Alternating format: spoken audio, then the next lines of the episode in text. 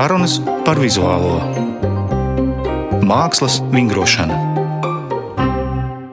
Sveicināti! Es esmu mākslas zinātniece Laima Slava, un mēs tagad eh, mazliet atkal mākslā vingrosim. Šoreiz par saviem viesiem es esmu uzaicinājusi mākslas zinātnieci un kritiķi Santu Hiršu. Sveika, Santa! Sveiki! Un mākslinieku, un arī grāmatu veidotāju Armānu Zelču. Sveiks, Armāns! Sveiki! Jo pēdējā laikā ļoti daudz sāk runāt par grāmatu. Paldies Dievam, man tas ļoti patīk, jo ar grāmatām tomēr esmu stipri cieši saistīta. Un grāmata jau ir tāda lieta, kas dara gan karantīnā, gan arī normālā ikdienā. Ja mums māksla ir teiksim, kaut kur tālāk, vai arī mazāk pieejama, vai arī mēs par viņu interesējamies. Līdz ar to man šodien gribējās parunāt tieši par mākslu grāmatā. Nevis par grāmatas mākslu tik daudz, cik par mākslu grāmatā. Un eh, tā kā jūs abi esat saistīti ar to, katrs no savas praktiskās puses, tad tomēr priekš iesildīšanās man ir tādi pāris naivie jautājumi. Abiem diviem, kura ir pirmā grāmata, ko jūs atceraties? Es tiešām, tiešām neatceros. Es laikam piederu tai paudzei, kuras bērnībā grāmatas lasīju visu laiku.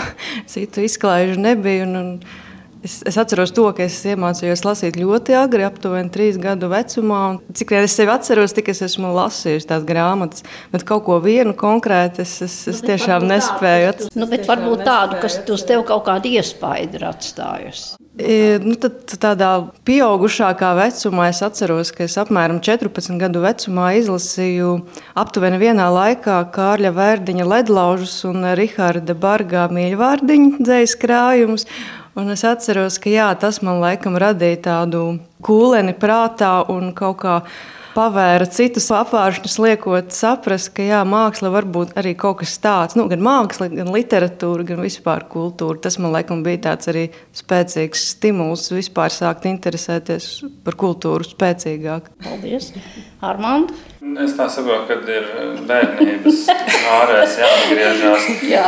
Bet tur man jāsaka, Es nezinu, kādai paudzei es piedaru, bet pilnīgi noteikti, es neesmu bijis pakļauts kaut kādai tādai alternatīvai izglītošanai un audzināšanai, un pie mums mājās nenonāca arī ar roku pārrakstīti disidenti sacerējumi. Līdz ar to nekāda tāda spilgtu atmiņu šajā sakarā man nav. Es domāju, ka tā ir vairāk tāda klasiska, ja, ko tajā laikā varēja dabūt. Droši vien kaut kāds pifa piedzīvojuma lapa, vāks noplēsts no pifa piedzīvojumiem, vēl kaut kā tam līdzīga. Bet to, ko es atceros, nu, pat cik man ir sanācis ģeologu un geogrāfs ģimenē, augt, tad um, samērā daudz tāds īpatnējs, specifisks literatūras mums mājās bija, un, un tā skaitā zinātnisks, un es to mēģinu šķirstīt daudz. Un tad tas, kas varbūt tādu pirmo iespēju, kas uzreiz tā nāk atmiņā, Ir sarkanā grāmata, tāda mums bija, un man patīk tos visus dzīvniekus vērot, neiedziļinoties to, ka viņi ir apdraudēti vai kaut kā tam līdzīga. Un, un otra lieta bija tāda, kā saka, Vācijas Demokrātiskajā republikā izdota enciklopēdija uh, jauniešiem, bērniem, tīņiem, nezinu kam tieši, bet nu, tāda bilžu grāmata. Uh, vācu valodu tajā laikā nesapratu gandrīz nemaz. Bet tajā pašā laikā atkal tās bildes, visas skatījos, un tas man ļoti patīkās, ka tur ir parādās, kā teikt, tāda visas dzīves jomas tur tiek parādīts. Sākot no kaut kādām sarežģītiem mehānismu šķērsgriezumiem, beidzot ar vienšūņiem. Nu jā, es patiesībā arī gaidīju, vai jūsu atmiņās ir šķirstama bilžu grāmata pirmā, vai tomēr kaut kas tāds tīri tekstuāls un interesanti. Jūs katrs pastāstot, faktiski arī parādat tos virzienus, kuros jūs katrs esat aizgājis. Nu, tā nu, tas ir. Nu, tad turpināsim. Un kurš tad ir pirmais mākslas darbs, kas ir atstājis iespaidu? Ar to gan būs grūtāk. Jo līdzīgi kā Santa atbildēja uz to jautājumu par grāmatu veselu buķeti, kas ir atstājis iespēju, man, man ir līdzīgi šajā gadījumā ar mākslas darbiem Tad es tādu vienu konkrētu izdalīt varbūt pat nevaru, jo tas ir drīzāk tas, kas man uzreiz tā nāk atmiņā un kur es patiešām joprojām izjūtu sekas no tā redzētā. Tā ir Helēnas Demakovs kūrētā izstāde piemineklis Man grūti atcerēties, cik tajā laikā, kādā vecumā es biju, bet nu, droši vien kaut kāds oktobrēns es varēju būt. Un uh, braucot garām, vai no trolēļbusa vai tramvajas, pat īsti neatceros, kur bija tā skulptūra, tā varētu teikt, vai instalācija. Tad uh, bija tāds tramvajs, kurš bija. Tramvajs debesīs. Jā, tramvajs debesīs. Viņš bija, es arī ne, nezinu, nedz autoru, nedz nosaukumu, bet tomēr tas man parādīja tā uzskatām, ka lietas var būt krietni arī savādākas nekā līdzinējā oktobrāna dzīvē. Un, un, un tas man atstāja iespēju. Nākamais, varbūt, ko es vēl varētu, man piemēram ir daudz los, bet vienu tomēr vēl es gribētu pastāstīt. Viņš ir varbūt saistīts arī ar uh, oktobrēna realitāti, kura man skāra salīdzinoši nesen. Uh, situācija tāda, es devos uz uh, laikmetīgās mākslas centra Kim telpām, tajā laikā viņš atradās vēl spīķeros, un aptuveni tur, kur ir uh, kanāla tā iztaka vai ietaka, duši vien, kad ietaka pilsētas kanālā, kur no Daugavas viņš pievienojās. Aptuveni tur vienkārši ir tukša iela, nav mašīnas īsti, bet ir pie pašas ielas apmales stāv cilvēki rindā. Tā rinda ir izlocījusies tāda samērā pat paliela, un nekā nav tur cita. Vienkārši stāv cilvēki rindā. Un man tas likās šausmīgi jauks mākslas darbs. Autors nezināms un, un, un tādā garā, bet ļoti, ļoti skaisti. Un beigās, protams, ka es to atrisinājumu uzzināju, izrādās, ka ir tāda, es domāju, ka viņi vēl joprojām pastāv tādā paralēlajā realitātē, kas sēž mums līdzās. Izrādās, ka cilvēki gaidīja mikroautobusu, kurš dodas, bet tas ir iespējams kaut kas nelegāls, kurš dodas uz viņiem zināmu gala punktu.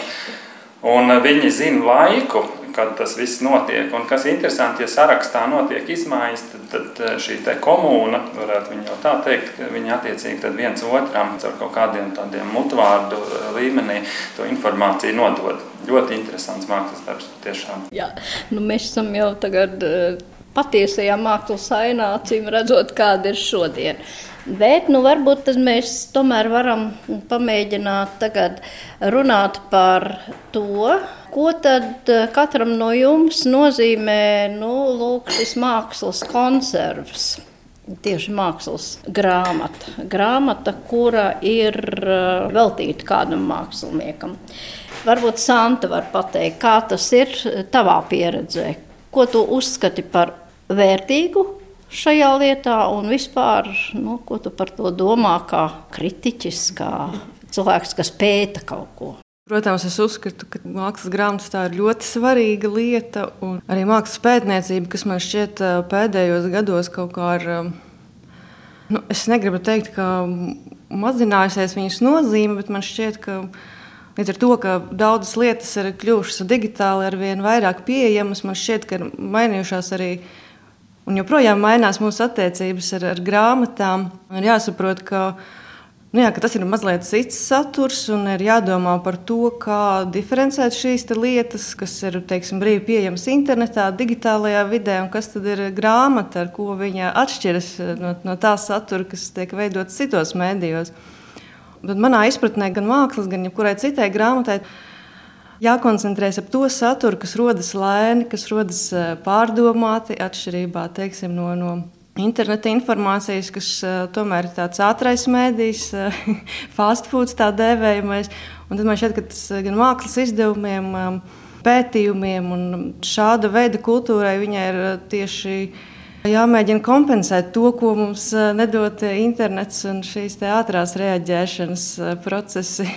Kā tev sanāk, teiksim, kad tu meklē informāciju, meklē tu iespējams visur, bet kur tu viņu vairāk atrod tādu, eh, kas tevi nu, iedvesmo kaut ko atrisināt tālāk tajā savā tekstā? Ne, nu, skatoties, ko es meklēju, protams, ka, ka ir lietas, ko vados eh, internetu uzziņās ir iespējams atrast ātrāk, bet, ja runājam par Latvijas laikmatīgo mākslu, tad man tomēr jāsaka, ka tā informācija arī internetā ir pieejama tik ļoti fragmentēti, ka principā tās lietas, kas man kā pētniece interesē, joprojām ir atrodamas tikai arhīvos, informācijas centros. protams, arī grāmatās.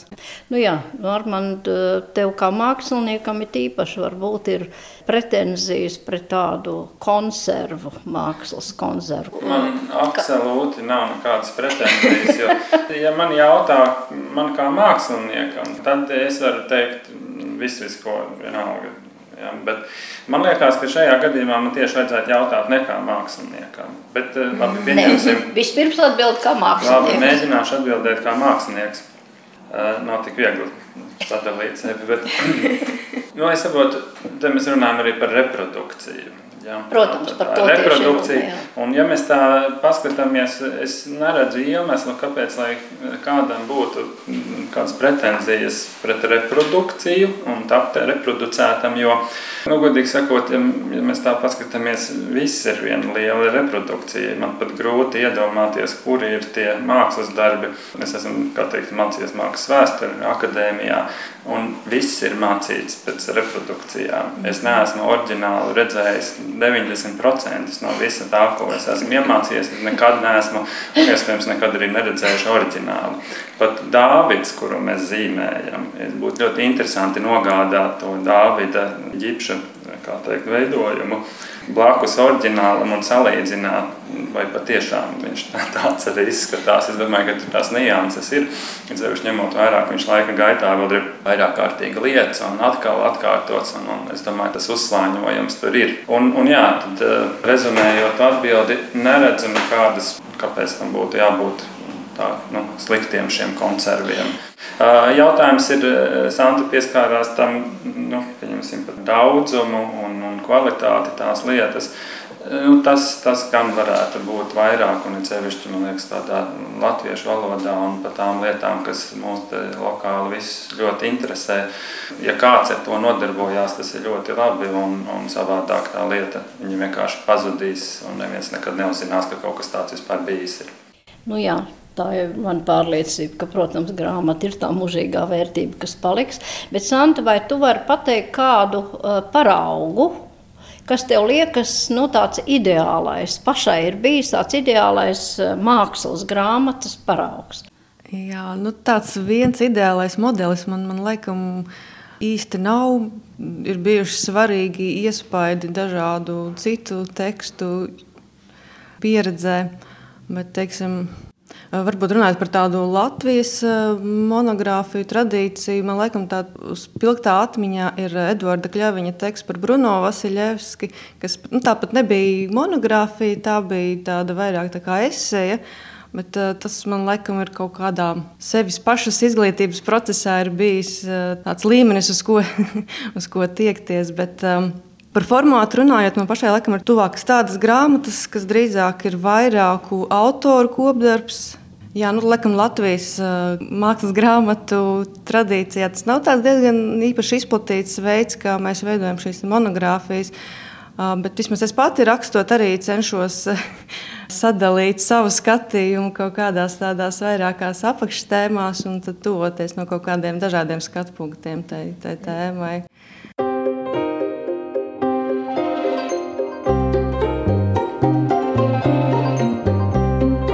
Mākslas vingrošana. Tas attiecas uz saturu, kas, protams, grāmatā ir pats galvenais, bet es pat domāju to paraugu kā grāmata, arī kā kopums, vizuāls kopums, tādā ziņā. Jo jūs, piemēram, abi divi nu pat strādājāt pie monogrāfijas par Andriu Breži. Un nākamais jautājums man būs, vai jūs strīdējāties? Nebija laiks. Nebija laika, jā. Bet, nu, tomēr, vai tev ir nu, šāds paraugs, ja, kur tu uztver mākslinieku? Jo man liekas, ka ļoti svarīgi šīm mākslas grāmatām ir tā kopējā uztvere, ka tu uztver to mākslinieku pilnībā no, no šiem visiem skatu punktiem, ne tikai no teksta. Nē, man tāds nekas tāds konkrēts prātā nenāk. Jā. Ar mani tev varbūt ir. Tagad tu vari atbildēt kā mākslinieks, kas veido grāmatu. Nē, nevarēšu atbildēt uz tādu jautājumu. Nē, man, man patiešām nenāk prātā nekas tāds, ko, ko varētu mm, teikt, uz altāra uzstumt, un kas būtu sevišķi vēl raksturojams kā ideāls. Nē, uz to, uz to mēs tiecam. Bet, kad tu sāc strādāt pie kāda autora, kas ir tas pirmais, par ko tu domā, un kas vispār nu, tevi? Tevi pagrūž kaut kādā tajā vai tajā virzienā. Man ir teikt, ļoti daudz un dažādas domas, par ko es sāku domāt. Es domāju, ka eh, daļu no tām es labāk neatklāšu. Bet, Uh, es uh, to jau es esmu propagandējis jau vairāk kārtīgi, ka informācija ir tā, kas nosaka to, kā tas viss izskatīsies. Un tas, par ko es domāju, es cenšos aptvert Parasti jau tas prāts pats signalizē, ka nu, jau ir pietiekami jau informācijas, ka var sākt jau veidot kaut kādas konstrukcijas. Bet ir no sākuma tomēr man vismaz ir nepieciešams aptvert vispār to laukumu, kurā es esmu ieradies, kas tas būs un ko no tā var uztaisīt. Ja, ja, ja es piemēram tagad sadomātu aizvainot kādu kulinārijas ja, jomas pārstāvi, tad nu, tas būtu līdzīgi, ka mums tagad ir maltā gaļa. Un Nu, mēs saprotam, ka tomēr ir limitētas iespējas, ko mēs no viņas varam uztaisīt. Pavlovas kūka tur nesanāks. Mēs, protams, ka varam kaut kādīgi izveidot to formu, un kaut kas līdzīgs būs. Varbūt kāds pat uzķersies, bet kamēr nesāks ēst, ja, tad tomēr tā visa lieta būs skaidra. Tā kā informācija tas ir tas, par ko es domāju, un kā viņu noformēt vizuālā informācija, tekstuālā informācija. Visa veida informācija. Jo, nu, piemēram, ja mēs bieži vien piesaucam šādos gadījumos vārdu dizains, un tad ir interesanti, kas ar to dizainu tiek saprasts. Ja? Bet dizains tā, nu, droši vien aizvainoši dizaineris. Bet, um, kaut gan man ir kā, zināmā mērā izglītība arī ar dizainu saistīta lietušķās mākslas koledžās. Varbūt tāpēc es varu savējo viedokli tagad paust tajā. Bet uh, ir vairāki faktori. Pirmkārt, tātad, ko no šīs informācijas var uztaisīt. Tad ir kā tas, ko es būšu, kāds izskatīsies, ja tāda tā taustes sajūta. Mēs to grāmatu apskatām ar vairāk maņām nekā tikai ar acīm. Tur arī es domāju, ka smarža arī varētu būt viena no tām, kas piedalās tajā mm, visā apskates pasākumā. Bet tā tad vēl svarīgs ir laika faktors, kurš arī būtu jāņem vērā. Nu, tomēr kā tas izskatīsies pēc zināma laika, varbūt to var kaut kā, nevis to var, bet to vajag mēģināt kaut kādīgi arī paredzēt un prognozēt, kas ar to visu notiks. Nu, un, protams, lai mēs nenonākam situācijā, kad cilvēkam piestāv kaut kas nu, acīm redzami viens, bet kaut kādu dažādu tendenci iespējā viņš um, saka, sevi izdēļo ar lietām, kas viņam nemaz nepiestāv. Ja? Līdz ar to tas ir tas, ko es saprotu ar šo informācijas aptveršanu. Ja? Pielēko visādas uh, lietas, kas varētu būt, un tad beigu beigās jau, kā esmu arī jau nesen vienā intervijā teicis, ka grāmata zināmā veidā pasaka pati priekšā, kāda viņa izskatīsies interesanta, bet, piemēram, tu saproti to uzdevumu, kuru tu dod māksliniekam, tad, kad uh, tu nodod visu grāmatas materiālu. Kas tev pašai ir liekas pats tas nozīmīgākais? Es uh, pilnībā piekrītu visam tam, ko, ko, ko Armāns minēja, kā grāmatu mākslinieka uzdevums. Tas arī ir tas, ko es kā, kā satura autors no viņa gaidu, ka viņš ne tikai uh, smuki samaketēs, bet ka viņš arī atradīs to vizuālo tēlu, kā tam visam piešķirt papildus dimensiju. Un man šķiet, ka šobrīd Armāns Zelčs Latvijas grāmatu mākslā to dara viskvalitatīvāk, interesantāk. Viņam tiešām ir, ir talants tajā tekstā atrast. Es teiktu, elegantāk. Arī. Tagad mēs varam raidījumu beigt. Viņš tiešām māca pie grāmatai atrast to atslēgas motīvu un, un, un neizdarīt to kaut kā banāli, klišejiski, bet jā, tiešām tā eleganti pasniegt to saturu. Jā, Santa, man tomēr arī jautājums tev pilnīgi vienkārši kā pētniekam, un nedomājot varbūt tik daudz par grāmatu, bet kas ir pēc tavām domām, tad, kad tu raksti par mākslinieku, kas ir tas svarīgākais, kas tev liekas, kas tev par viņu ir jāpasaka? Jā, nu es um, principā kā pētnieks cenšos uh, tomēr vairāk koncentrēties uz to, ko mākslinieks dara, uz viņa daļradi. Un man teiksim, tāda klasiskā monogrāfija forma, kas ir uh, nu, kas jau no Džordžova Zārija laikiem ir iegājis kā tādas dzīves un darbu miedarbība.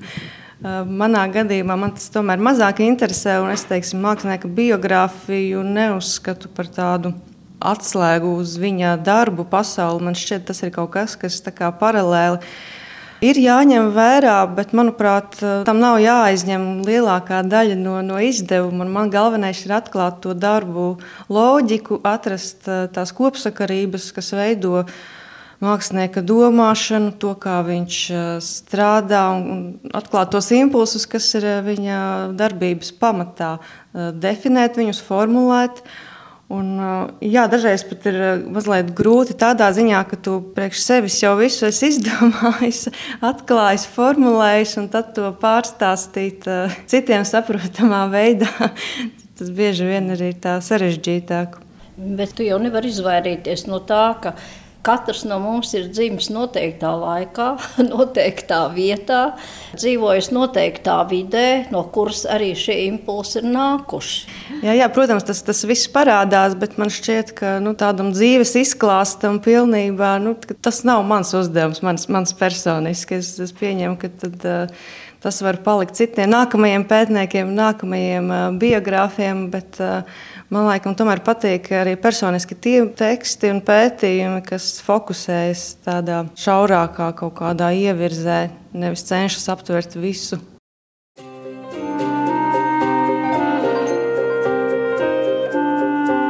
Mākslas vingrošana. Šodien runājam par mākslu grāmatā un runājam ar Santu Hiršu, mākslas zinātnieci un kritiķi, un Armānu Zelču, mākslinieku un arī grāmatu mākslinieku. Man tas eh, pēdējais, par ko es gribēju ar jums eh, padalīties, ir eh, jautājums, kā vispār mūsdienu 21. gadsimta mākslu, kā vispār viņu var dokumentēt kā viņu vispār var pierakstīt.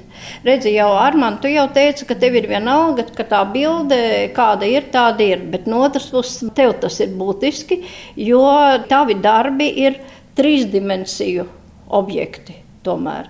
À, nevienā attēlā tev tās trīs dimensijas nebūs. Ja? Ir vienmēr kaut kāds konkrēts rakurs. Ja? Un tas, kas notiek šodien, tas vispār ir māksla, kuru tu uztver jau kā vidi.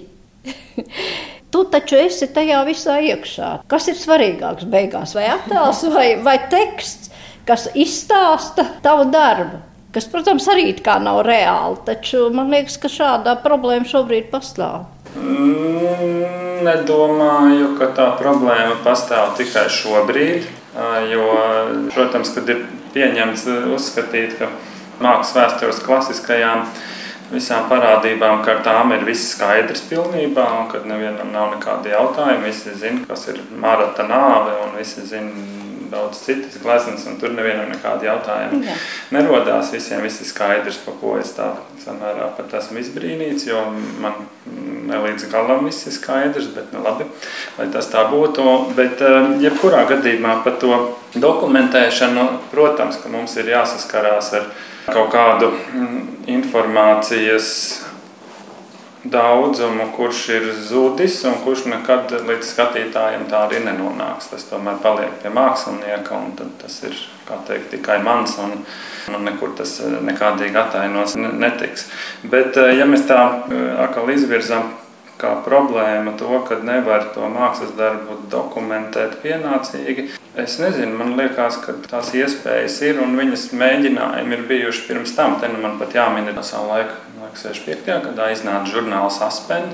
Kurš bija trīs dimensiju, saucās trīsdimensionāls žurnāls. Tā bija e, kastīte, kurā bija gan e, teksts, gan plakāts, gan bija kaut kāds ko varēja rokās aptaustīt. Un, bija arī mm, saka, audio ieraksts, vai tā bija kasete, magnētiskā lente vai kaut kas tamlīdzīgs. Nevienu žurnālu tā īsti rokās neesmu turējis, bet par viņu lasījis esmu. Tas ir, nu, manuprāt, kaut kas tāds ļoti eksperimentāls. Un, un, un es domāju, ka vēl joprojām mēs līdz kaut kam tādam neesam tikuši. Tā kā visas iespējas dokumentēt, man liekas, un izgudrot kaut ko.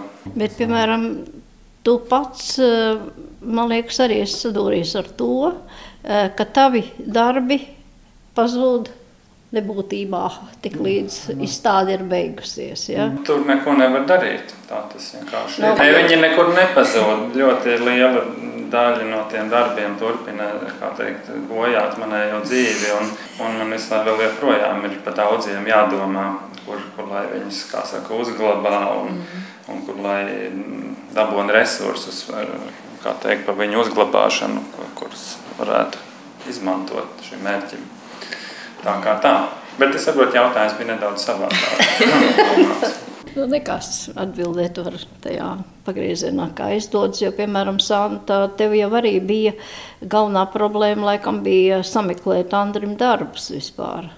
Jā, jā nu, tur arī jāņem vērā, ka Andra Brežas darbi arī tika radīti no dažādiem dabas materiāliem, kas jau pēc idejas nevar saglabāties. Tas jau arī diezgan konceptuāli tika radīts kā kaut kas, kas ir tāds viegls un gaistāšs un nesaglabājams.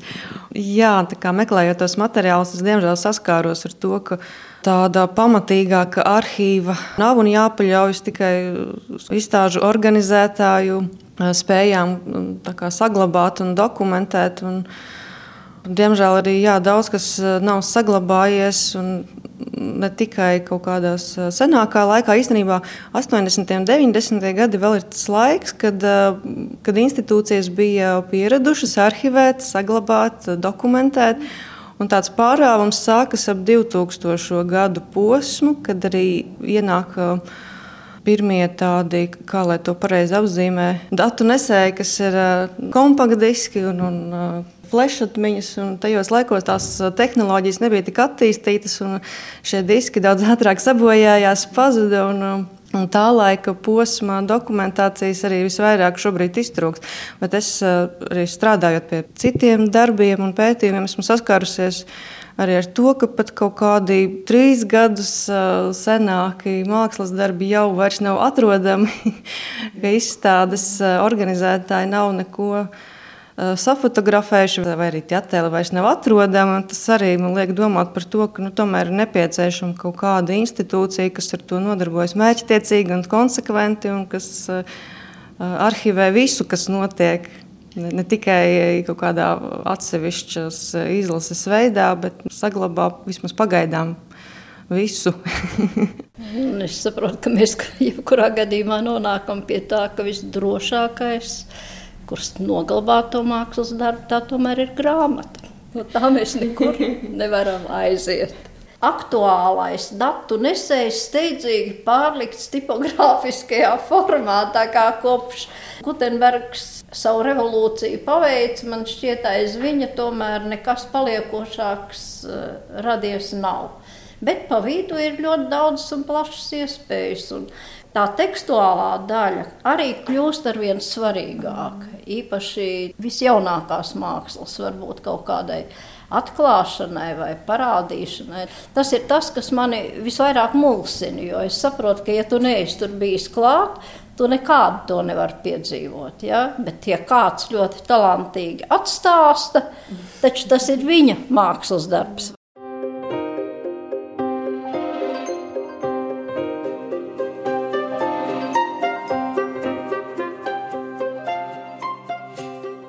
Nu, ko raidījums mākslas vingrošana šoreiz beidzies.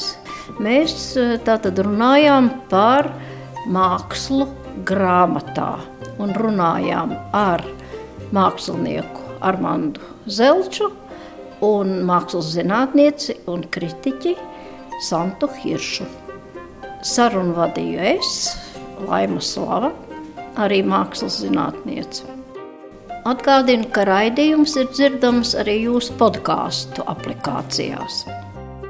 Šajā sezonā esmu tikusies ar jums pēdējo reizi.